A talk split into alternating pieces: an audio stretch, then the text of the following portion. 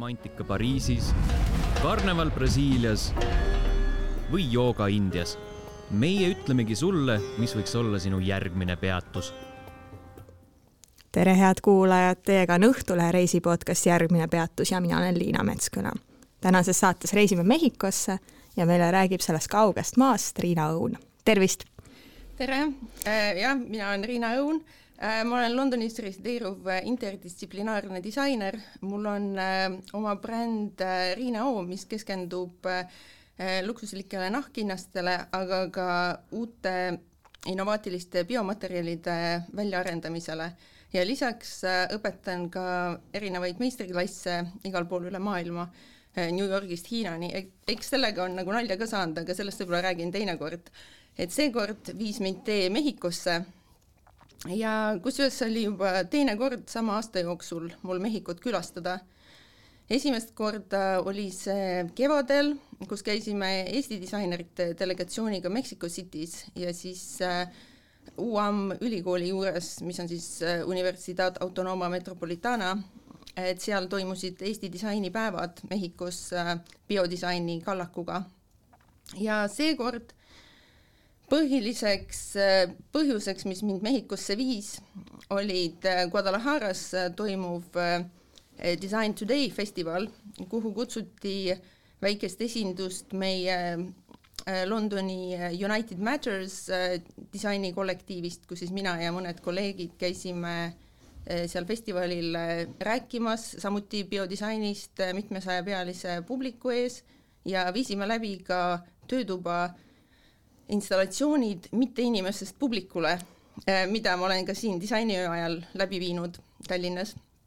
Äh, põhimõtteliselt selle äh, meistriklassi eesmärgiks on avardada osalejate mõttemulli inimkeskselt disainilt pigem nagu ökokesksele disainile, et arvestada ka teiste liikide vajadusi midagi disainides ja materjali eluea igat sammu ka kaasa arvatud ka äh, lagunemisprotsessi ja selle meistriklassi siis kese on äh, biomaterjalide valmistamine erinevatest toidujäätmetest, näiteks äh, munakoortest äh,, avokaadokoortest äh,, kohvipaksust apelsinikoortest, millest kõigest veel.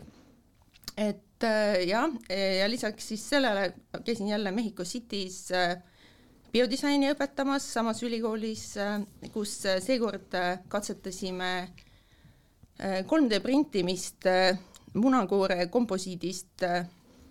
see oli väga põnev ning tööst veel rääkides jõudsin lõpuks ka Chiapase osariiki San Cristobal de las Casase linna pisikesele kunstiresidentuurile maiade paberi ümbertöötlemise töökotta see, kusjuures see maiade paberi ümbertöötamise töökoda, see tundub kuidagi hästi põnev olevat, et mida see endast kujutab?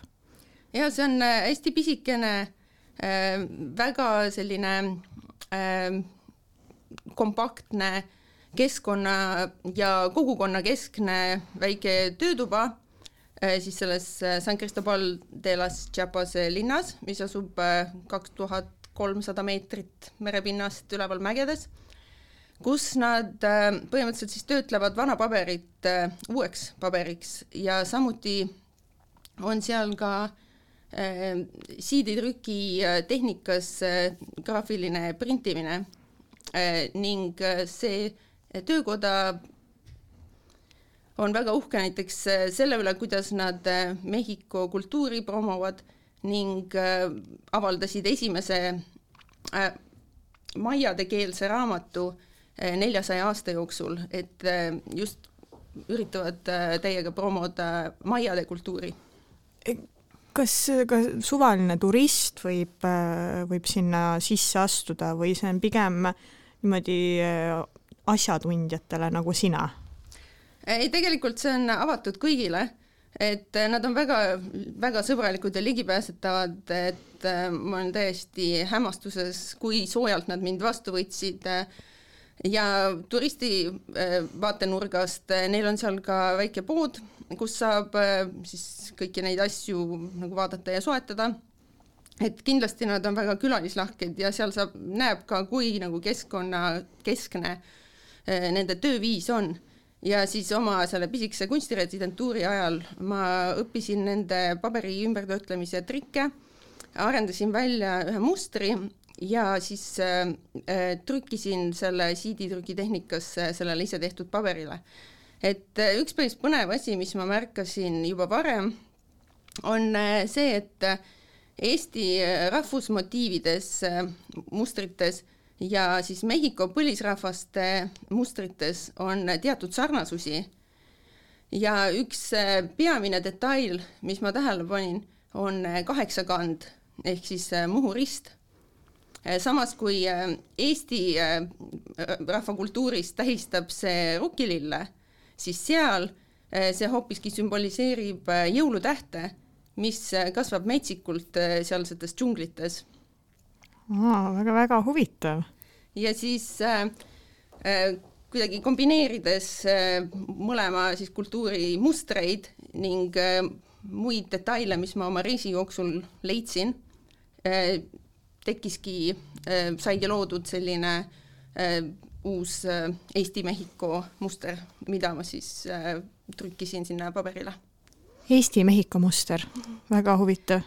Et minu meelest oli ka nagu hästi huvitav detail see, et kuidas kaks nii kaugel üksteisest asuvat kultuuri äh,, kui palju ühiseid jooni neil nagu mustriliselt on, et väga põnev jaa, Mehhikol on ju, ma pakun, et see, mis sul praegu seljas on, äh, kahjuks, kahjuks kuulaja küll ei näe, et see on ka ilmselt mingi Mehhiko selline muster ja tikandid ja kõik sellised asjad, et mis sul, räägi siis kuulajale, mis sul seljas on?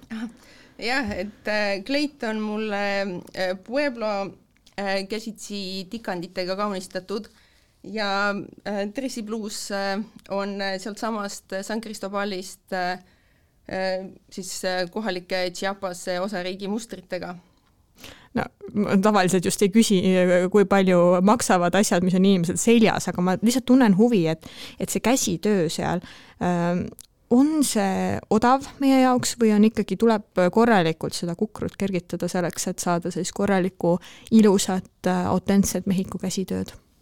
Äh, noh, eks see oleneb täiesti, äh, kus käia kauplustes, et nagu sellistes peenemates turistidele suunatud poodides on muidugi hinnad kõrgemad.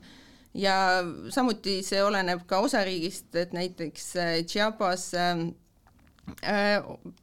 ei ole võib-olla nii jõukas osariik kui näiteks äh, Merida või Mexico City ümbrused, siis hinnad varieeruvad, aga üldiselt öeldes äh, on küll äh, noh, Euroopaga võrreldes soodsamad hinnad kui me sinuga üldse hakkasime Mehhikost rääkima, siis minule jäi mulje, et sinul oli selline üks väga pikk või noh, mitte väga pikk, aga see üks pikk ja väga vinge reis aga kui me siin äh, arutlesime sellel Mehhiko teemal äh, enne podcasti algust, siis selgus, et tegelikult oli see kaks reisi. Äh, saan ma õigesti aru, et see esimene oli selline, sulle nii meeldis, et sa mõtlesid, et okei okay,, ma nüüd lähen ikkagi tagasi ja lähen täitsa turistina, teen turisti asju ja vaatan Mehhiko peal ringi ei, no mitte päris, tegelikult ma ikkagi mõlemal korral käisin eeskätt tööasjus, nagu ma mainisin ja tegelikult äh, see pikem äh, teine reis oli plaanitud äh, enne seda, kui esimene reis üldse plaani tuli.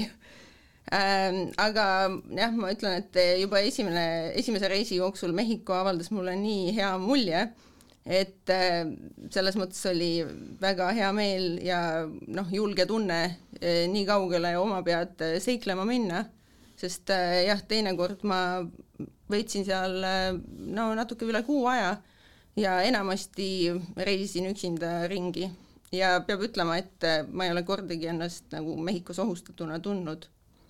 No olgem ausad, eks ju sa olid ka nendes piirkondades, kus sa ei pea ennast ohustatuna tundma, et et Mehhikos võib ikkagi päris ohtlik olla. nojah, võib-olla seda küll, et nagu öösiti äh, üksinda ringi ei jalutanud, aga noh, kui vaja, siis äh, sõitsin Uberiga äh, aga üldiselt äh, mul on nagu väga hea mulje äh, mehhiklastest äh, kui nagu hästi äh, külalislahketest äh, ja sõbralikest inimestest, et äh, muidugi on äh, kindlasti mul ka vedas äh, noh, et inimestel on erinevaid kogemusi, aga noh, see on minu kogemus. sa olid vist ka üsna palju seal Yucatani piirkonnas, eks ju? ja ma olin seal natuke üle nädala, et siis Yucatani piirkonnas siis Merida linnas peatusin ja siis uurisin teisi kohti Yucatanis ähm,. väga naljakas lugu näiteks algas Merida bussijaamas, kus ma siis äh, ootasin bussi, et sellega sõita Valladoliidi linna äh,. küsisin enda ees seisvalt tüdrukult midagi ja selgus, et ta on ka üksinda reisiv eestlanna okei okay,, mida, mida kokkusattumust? kes, kes elab Londonis nagu minagi ja meil on ühiseid sõpru okei okay.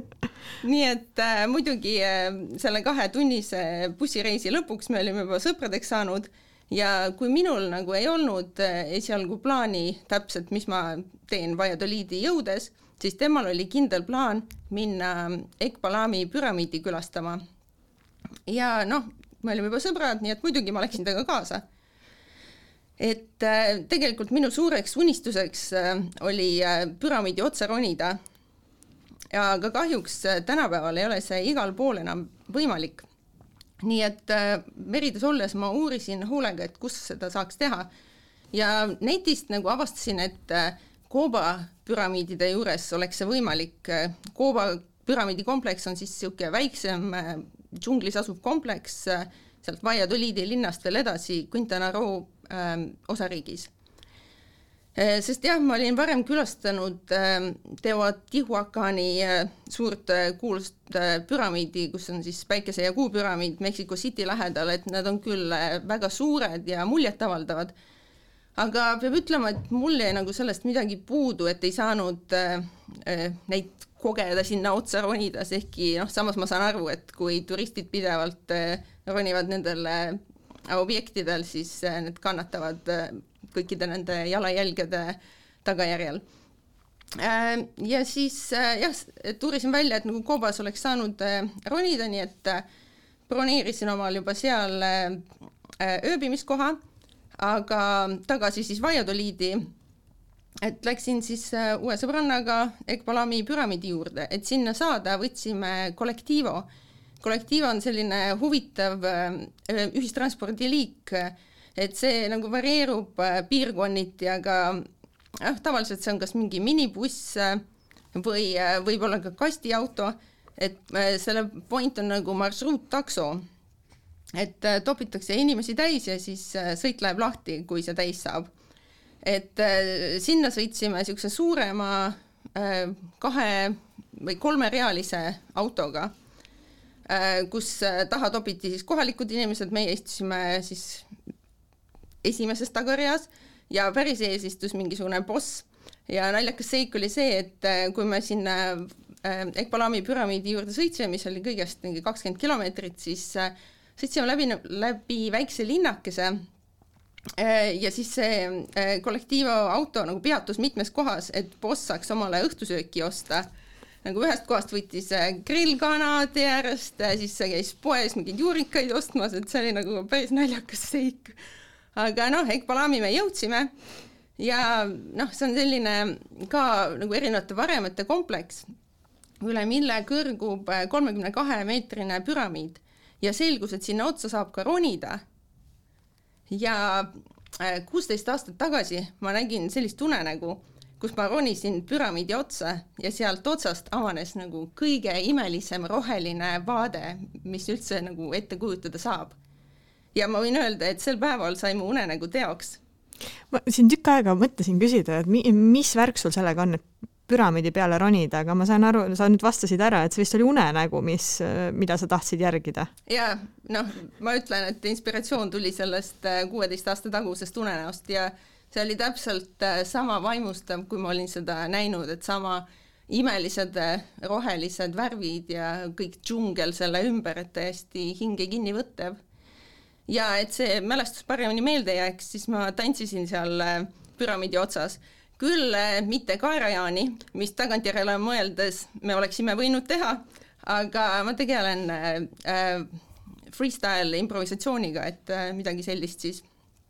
ja siis äh, peale Ekbalami püramiidi äh, läksin siis edasi Kooba püramiidikompleksi juurde, kus selgus, et tegelikult äh, seal ei tohigi hetkel püramiididele otsa ronida, nii et äh, mul väga vedas, et tänu sellisele juhuslikule kohtumisele nagu oli võimalik minu unenägu täide viia. küll aga siiski soovitan Kooba püramiidikompleksi ikka, sest eriti varahommikul sinna minnes ma kõndisin tõesti nagu üksinda džunglis ja sealsed püramiidid on natuke rohkem siis džunglisse kasvanud, et see oli ikkagi niisugune väga mõnus eriline looduskeskne kogemus.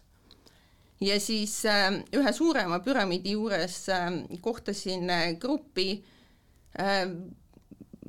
vanemaid daame vist Chihuahua linnast Meksik-, Mehhikost, kellele siis õpetasin, õpetasin selgeks ütlema hernesupp, kui nad mult palusid pilti teha nendest, mis oli päris lõbus Nendest püramiididest rääkides, et noh, Mehhiko ju ikkagi üsna, üsnagi püramiidide maa ja neid päris palju seal ähm,. iga kord, kui mina olen kuskil püramiidi juures käinud, siis tavaliselt on meeletult palju rahvast no,. kuidas turistimassi vältida või ei saagi selles, selles, ma ei tea, Chichen Itzas näiteks jah, et selles mõttes äh, Chichen Itzas äh, ma isiklikult ei käinud, sest noh, peale paari püramiidi kogemust tundus, et praeguseks on piisavalt püramiide kogetud. maailma imet ei läinud vaatama, seitsme moodsa maailma ime hulka kuulub. noh, teinekord, teinekord ka põhjust tagasi tulla Äh, aga peab ütlema, et äh, jah, tagasiteel äh, bussiga Meridasse sõitsin sealt läbi ja oli näha tõesti, et parkla oli täis tuhandeid autosid ja rahva, rahvasumm oli täiesti meeletu. küll aga omalt poolt jah, soovitaksin minna kas nagu päris avamisajal, näiteks Kooba püramiidi juures nagu vedas täiesti sellega või siis enne sulgemist Äh, sest Ekbalami me sattusime ka äh, paar, jah, vist paar tundi enne sulgemist ja siis oli juba täiesti noh, mõnusalt vähe rahvast, samas see on ka natuke kõrvalisem püramiid.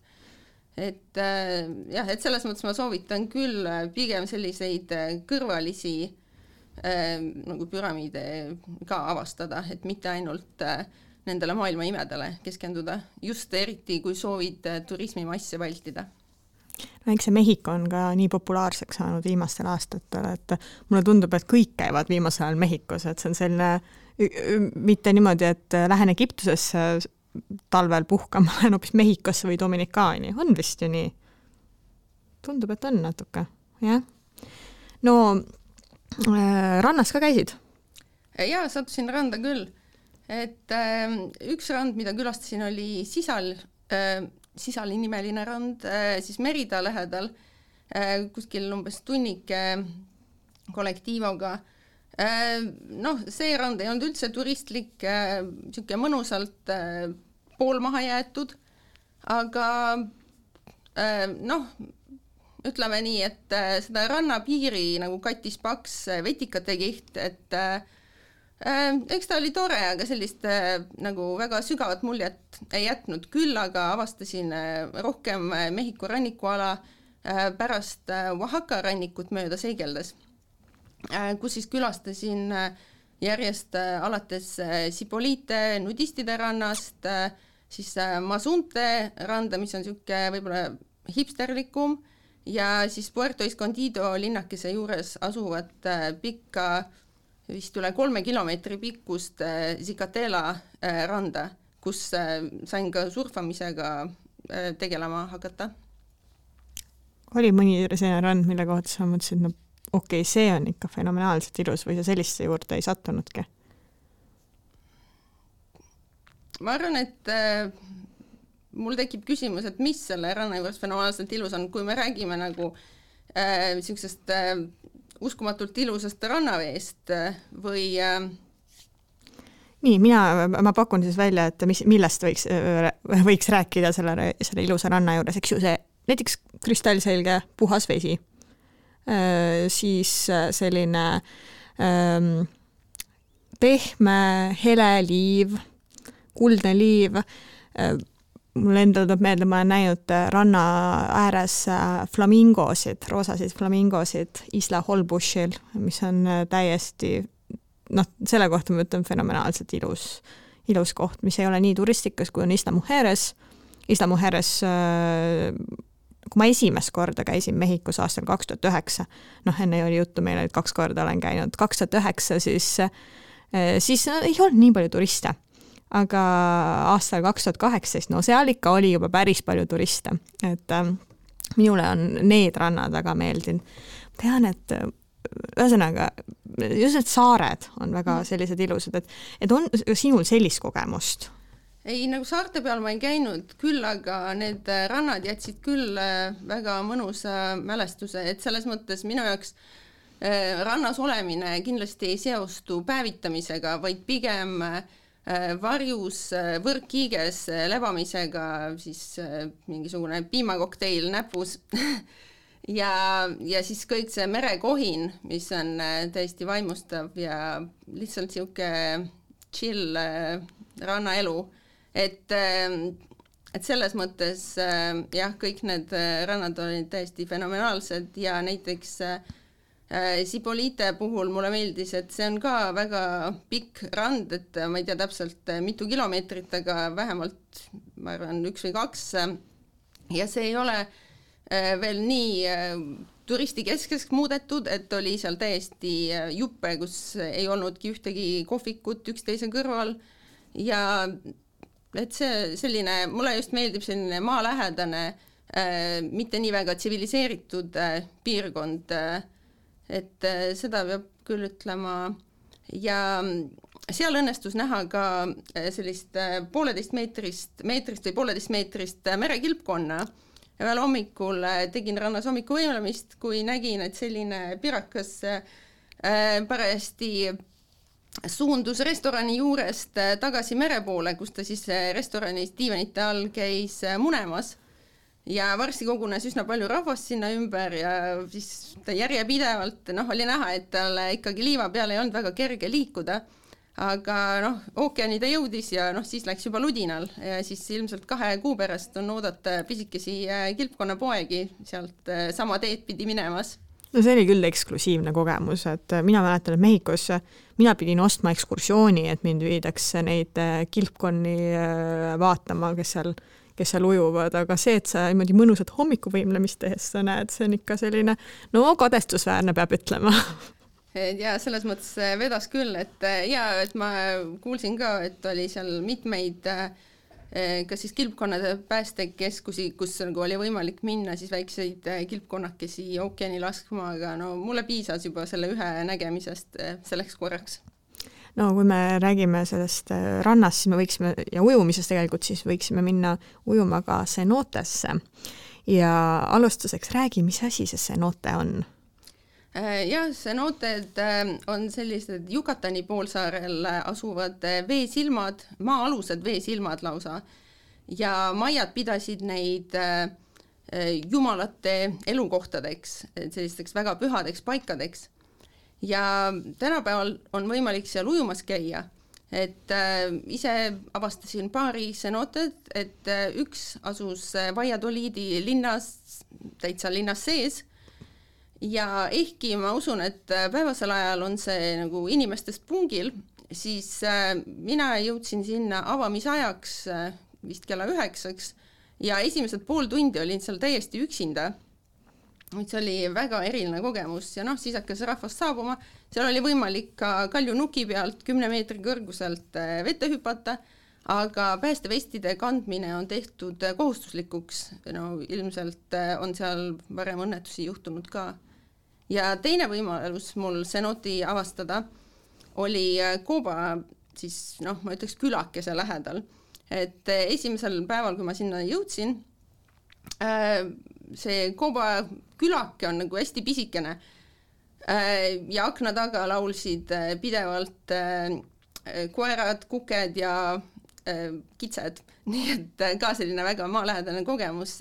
Rentisin sealt oma peatuskohast äh, jalgratta ja sõitsin kaheksa kilomeetri kaugusele läbi džunglite äh, siis Tšuha nimelist cenooti avastama.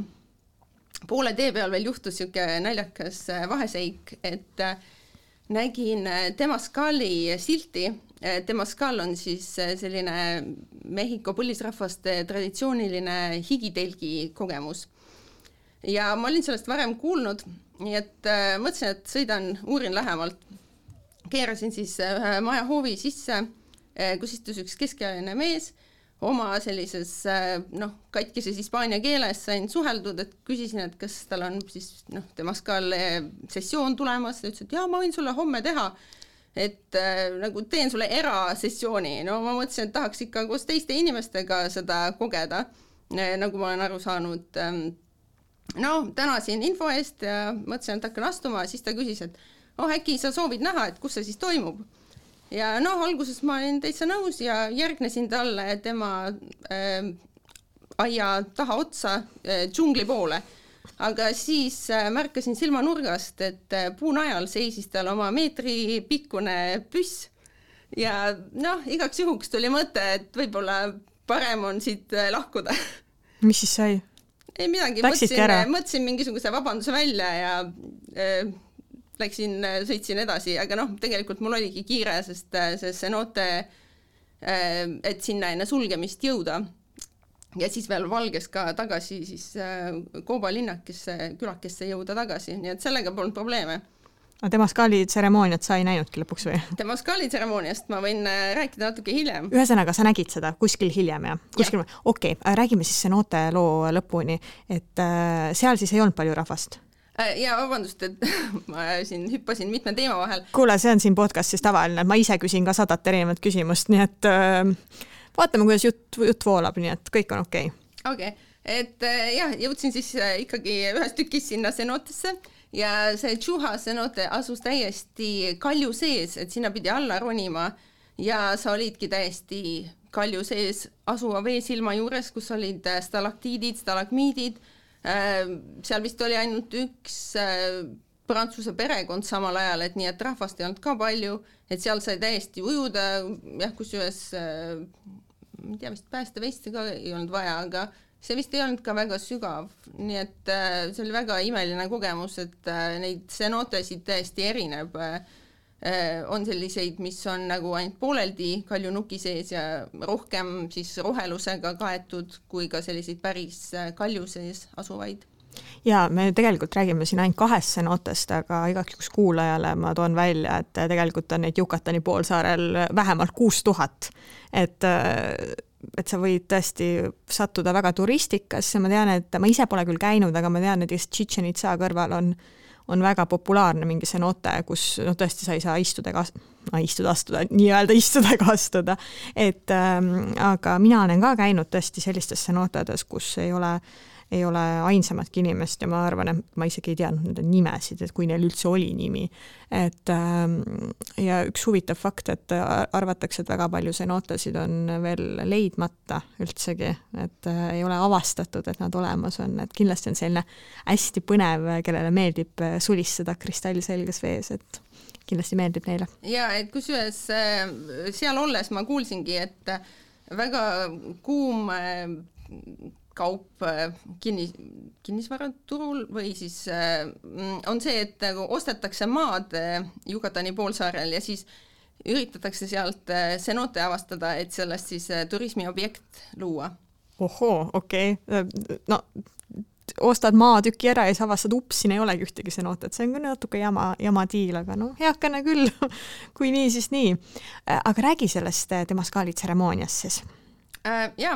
Jaa Äh, Demaskali tseremoonia õnnestus mul äh, oma nahal läbi teha äh, siis Oaxaca rannikul Mazunte ranna lähedal. see toimus kõrgel künka otsas kellegi koduaias, kus oli siis püsti pandud niisugune ümar telk ja kohale oli tulnud umbes kolmkümmend, nelikümmend inimest, et noh, segamini mehhiklasi ja noh, rändureid mujalt, umbes mehi-naisi pooleks, ja see on hästi tseremoniaalne protseduur, ma arvan, et see, see kestis kokku võib-olla mingi kaks tundi lausa, aga no tead, aega ei ole, seal pole nagu võimalikki tegelikult üldse kella vaadata. et noh, see algas niisuguse ühislaulmisega väljas ja siis äh, hästi palju oli seal äh, nagu sissejuhatavat juttu.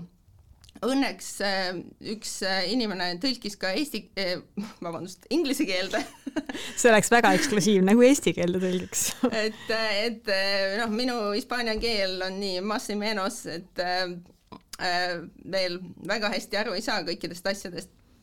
aga õnneks jah, tõlgiti see inglise keelde ja see siis nägi välja nii, et kõigepealt hästi tseremoniaalselt äh, sisenesid sinna äh, higitelki äh, kõigepealt naised, siis mehed ja seal telgi keskel asus tühi tulease, kuhu hakati tooma kuumekive ja peab mainima, et kõik istusid muldpõrandal. siis soovitatav, soovitatavaks riietuseks Temaskali tseremoonial no võib, võib kanda ujukaid äh, või tegelikult soovitakse seelikut äh, kanda, noh, võib-olla on mugavam selle peal istuda ka.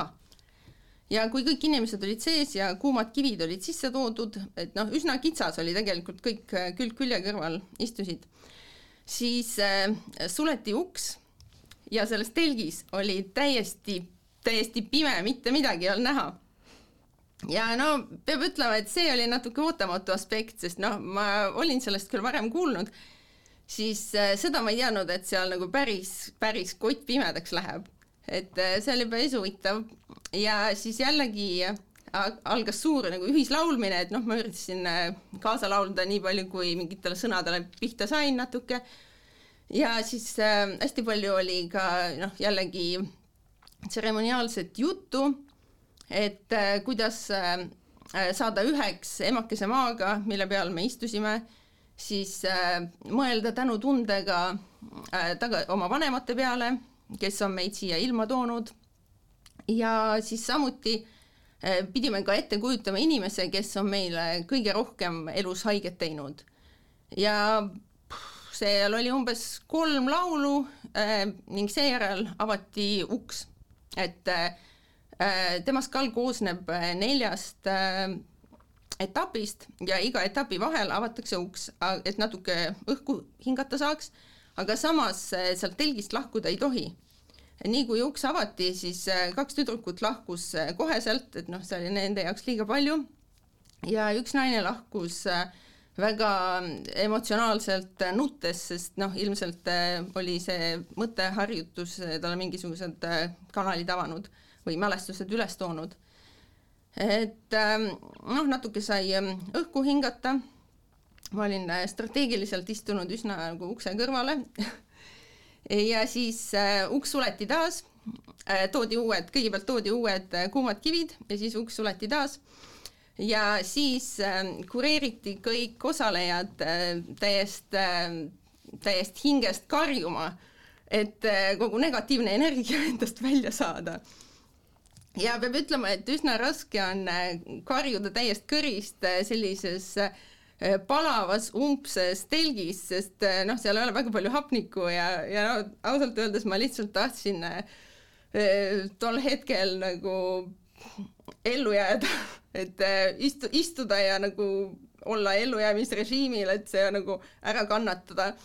sest noh, ega see just väga nauditav ei olnud no ja tundus, et teine äh, etapp oli kuidagi lühem esimesest, siis äh, järgnes sama asi, et vahepeal sai natuke hingata, toodi uued kuumad kivid ja kolmas etapp oli hoopis teistsugune, et siis piserdati natuke piparmündi ähm, sinna kividele ja sellest hakkas õhkuma sellist jahedat kuumust, mis oli tegelikult päris nauditav, et kõigepealt tundsid selle lõhna siis hakkas see imbuma läbi äh, pooride ja silmalaugude, aga tegelikult äh, äh, jah, ütleme nii, et see etapp oli täitsa, täitsa meeldiv. no ja siis äh, avati taas uks, et sai natuke õhku hingata ja siis tseremoonia läbiviija ütles väga siuksed kurjakuulutavad sõnad. nüüd valmistuge surema okei okay. oli selline väike selline ehmatus või hirm ka või sa olid juba sellisel lainel, et mingit sellist asja võidakse siin öelda ja see on suva? no üldiselt Temaskali tseremooniat või seda kogemust peetakse uuesti sünniks, nagu vaimseks uuesti sünniks. nii et äh, ta pidas silmas noh, selles mõttes, et vaimselt surema, et siis uuesti sündida. Ja siis jällegi toodi uued kuumad kivid sisse, väljas oli siis väike lõke. Ja uks suleti. Ja see oli kõige kuumem siis etapp, et inimestele piserdati kaela kuuma vett. Ja jällegi oli niisugune ühislaulmine. Ja no ausalt öeldes selleks hetkeks oli kõik juba nii kaootiline, et noh, mina neid sõnu ei teadnud, siis mina hakkasin lihtsalt äh, Mutionu laulu laulma, et äh, kuidagi osaleda ja nagu oma see Eesti äh, touch nagu juurde anda. Et kes see mind peatab siin, kõik oli nagu täielikus kaoses juba. Ja jah, ja siis peale seda saigi läbi, seinad, telgi seinad tõsteti üles. Ja siis üksteise järel väga tseremoniaalselt hakkasid kõik välja roomama nagu ema üsast. Ja siis väljas kallati igale ühele väga tseremoniaalselt natuke vett kaela, millest küll puhtamaks ei saanud, sest äh, me olime kõik muldpõrandal istunud ja pakuti teed ja noh, oligi niisugune mõtisklemise aeg. ja noh, peab ütlema, et äh, mul on hea meel, et ma selle kogemuse läbi tegin, mul on hea meel, et ma selle lõpuni suutsin läbi teha, ma ei ütleks, et ma seda nagu soovitaks just väga, aga noh äh,, miks mitte, et kes teab, võib-olla kunagi tulevikus äh, proovin uuesti, et samas ma olen teistelt kuulnud ka, et need kogemused on üsna erinevad. Nii et äh, noh, kes niisuguseid omapäraseid äh, kogemusi jahib, siis palun, palun väga. Mis see tulem sinu jaoks oli, oli seal äh, midagi, et sa tundsid pärast seda, nüüd ma olen muutunud ja nüüd ma vaatan asja teistmoodi või lihtsalt noh, oli tore asi, mida teha ja sa ütlesid ju, et sa ei soovita seda? nojah, selles mõttes äh, kuidas kellelegi. Äh, võib-olla soovitan, võib-olla ei soovita. noh, ma nagu isiklikult selle kogemuse tagajärjel ei tunne ennast nagu uuesti sündinuna, aga no ega iga kord ei saagi uuesti sündida et äh, äkki teinekord siis äkki järgmine kord sünnid uuesti, jah. aga traditsioonidest äh, veel äh, üks, üks põnev asi ju oli see, et sa kogesid Dia de los Muertost ehk siis surnute päev. Räägi sellest kogu kogemusest. ja ma tegelikult võrdleks seda Eesti hingede päevaga, sest see ametlikult leiab aset esimesel ja teisel novembril, aga kogu selle see on nagu väga suur kultuurisündmus kogu riigis, aga selle ümber kestev trall algab vähemalt kaks nädalat enne ja kestab veel kaks nädalat eh, hiljem ka aga eh, nagu selle, sellel eh, Dia de los Muertese päeval endal. Ma olin San Cristobal de las Casase linnas. Ja noh, nagu ma ütlesin, et juba, juba varem olid kõik restoranid ja avalikud kohad ehitud äh, arvukalt äh, saialilledega ja pealuudega, mis olid nii papier-macheest valmistatud kui šokolaadist äh, ja muidugi äh, selle tegeliku päeva ümber see kõik intensiivistus, toimusid igapäevased paraadid läbi linna, kusjuures sellele eelneval päeval veel tähistati Halloweeni ka. Ähm, nüüd ma ei teagi, mis, mis osa sellest on Halloween ja mis osa on Dia de los Muertes, aga äh, võib öelda, et peaaegu terve nädala jooksul väiksed lapsed, äh, kellel olid ähm, äh, pealuud näkku joonistatud või mingisugused ma ei tea, loomade, dinosauruste, tulnukate kostüümid seljas, käisid väikestes rühmades Ehm, poest poodi, tänavat, mõned lapsed olid lausa kaheaastased, noh, neil olid siis vanemad kaasas, suuremad olid oma pead, et siis käisid poest poodi ja laulsid väikest laulukest, et äh, kommi saada. et selles mõttes meenutas see mulle rohkem nagu meie Eesti Kadri ja Mardisantide jooksmist kui sellist ameerikalikku Halloweeni kommipommimist ehm, aga siis ähm, äh, Dia de los Muertesel ehitatakse palju ka altareid, et oma esivanemaid austada ja mul õnnestus äh, kaasa lüüa niisuguse väga äh, muljetavaldava kodualtari ehitamisel. Seal San Cristobalis äh, olin äh, sõbraks saanud ühe inglise tüdrukuga, kes oli samuti selles paberi valmistamise töökojas praktikal ja tema elas koos ühe mehhiklannaga. siis kutsusid mind enda juurde seda kodualtarit ehitama mis oli ehitatud siis mehhiklanna kureeritud väga rangete reeglite järgi et äh, seal oli nagu mitu nii-öelda, mitu korrust, et ülemisele äh, või siis riiulit nii-öelda, et ülemisele riiulile siis asetati kõik äh, lähedaste, nagu lahkunud lähedaste pildid, järgmisele riiulile väga rangelt asetati nende lemmiktoidud ka lausa soojendatud kujul, siis kogu see riiulite süsteem kaunistati, noh, Äh, paigutati sinna rist ja siuksed värvilised paberid ja siis kaunistati väga arvukate saialilledega ja selliste viieteist sentimeetriste männiokastega, mis on seal kohalikud kasvavad. ja äh, väga strateegiliselt sealt paigutatud ka küünlad, mis pidid põlema äh, vist nelikümmend kaheksa tundi järjest. nii et kohalikud suhtuvad sellesse asja nagu väga suure Äh, süstemaatilisuse ja tõsidusega. Võtaksin äh, nüüd äh, näiteks top viis kõige ägedamat asja, mida sina soovitad Mehhikos teha? nii, no minu kogemusest ma juba mainisin, et kindlasti on see cenotis ujumine, siis samuti juba mainitud Ekbalami püramiidi otsas tantsimine, samuti soovitaksin väga ka Oaxaca rannikul surfamist proovida et äh, seal on võimalik äh, algajatele võtta osa äh, eraõpetaja, ma ütleks, et üsna taskukohase hinnaga, et selles mõttes ma sain täitsa esmased oskused kätte. siis kindlasti soovitaks ka bioluminescentses laguunis ujumist, mis oli samuti noh, minu kogemus oli Oaxaca ranniku lähedal Äh, Manialtepec laguunis, äh, see oli siis Puerto Escondida linnakese lähedal. aga ma olen kuulnud, et seda on võimalik vist teha ka teistes äh, kohtades Mehhikos. selgita, mis asi see on, kes ei tea? jah, et äh, siis Manialtepec laguunis kohtuvad äh, magevesi ja ookeani soolane vesi ja seal elab selline, elavad sellised bioluminescentsed vetikad, mis hakkavad helendama, kui neid nagu natuke häirida ja see helendamine on põhimõtteliselt nende enesekaitsemehhanism. ja Puerto Escondidost äh, on võimalik äh, võtta selliseid tuure, laguun asub linnakesest ainult vist viieteist kilomeetri kaugusel, et siis juba õhtul pimedas sõitsime kohale siis äh, inimesed topiti mootorpaati, millega sõideti laguuni keskele, et juba oli näha, et selle mootorpaadi liikumisest äh,, kiirest liikumisest, kuidas vesi hakkas helendama. et see valg, see värv äh, võib varieeruda sinakast, rohelisest või valgest.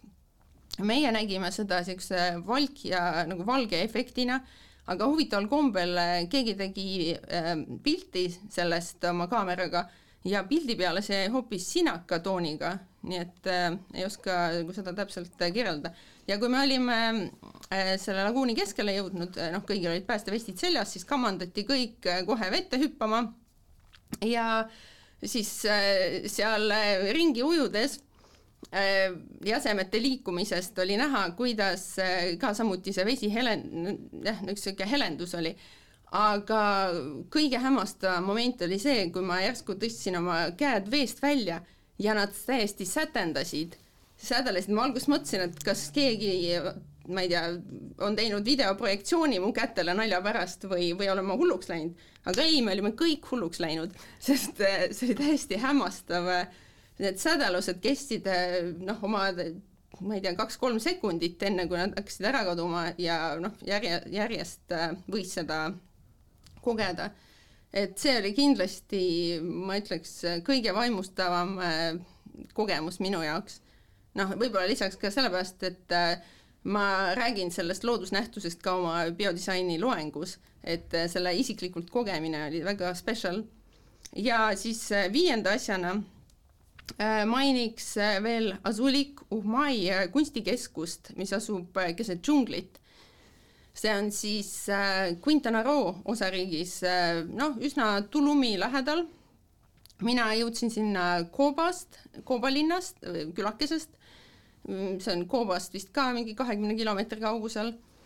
Ja äh, asuliku mai siis selline äh, kunstikeskus äh,, kus äh, vaatamisväärsus on see kunstikeskus ise. Äh,. selle arhitekt Eduardo Neira äh, hüüdnimega Roth äh, on öelnud, et äh, see ehitati keset džunglit ilma, et ükski taim oleks viga saanud, et põhimõtteliselt see ehitati kogu looduse ümber eh, ning selle arhitektuuri sees on ka näha, kuidas loodus sulandub ühte nagu inimtekkelise arhitektuuriga. nii et see on väga vaimustav koht ja kui varem see oli rohkem niisugune Äh, salajane pärl keset džunglit, siis noh, viimastel nädalatel ta on äh, rohkem tuntust kogunud, kuna Ameerika näitlejatar Vanessa Hudgens just abiellus seal eelmisel nädalal. suurepärane äh,, aitäh sulle, Riina, selle vestluse eest, et ma arvan, et nii mõnigi kuulaja mõtleb, et võiks, võiks ikka sinna Mehhikosse minna. ja ma kindlasti soovitan, aitäh kutsumast! ja järgmine peatus on eetris juba kahe nädala pärast kuula meid üle nädalati kolmapäeval Õhtulehest, Spotify'st, SoundCloud'ist või iTunes'ist ja ära unusta meie podcasti tellida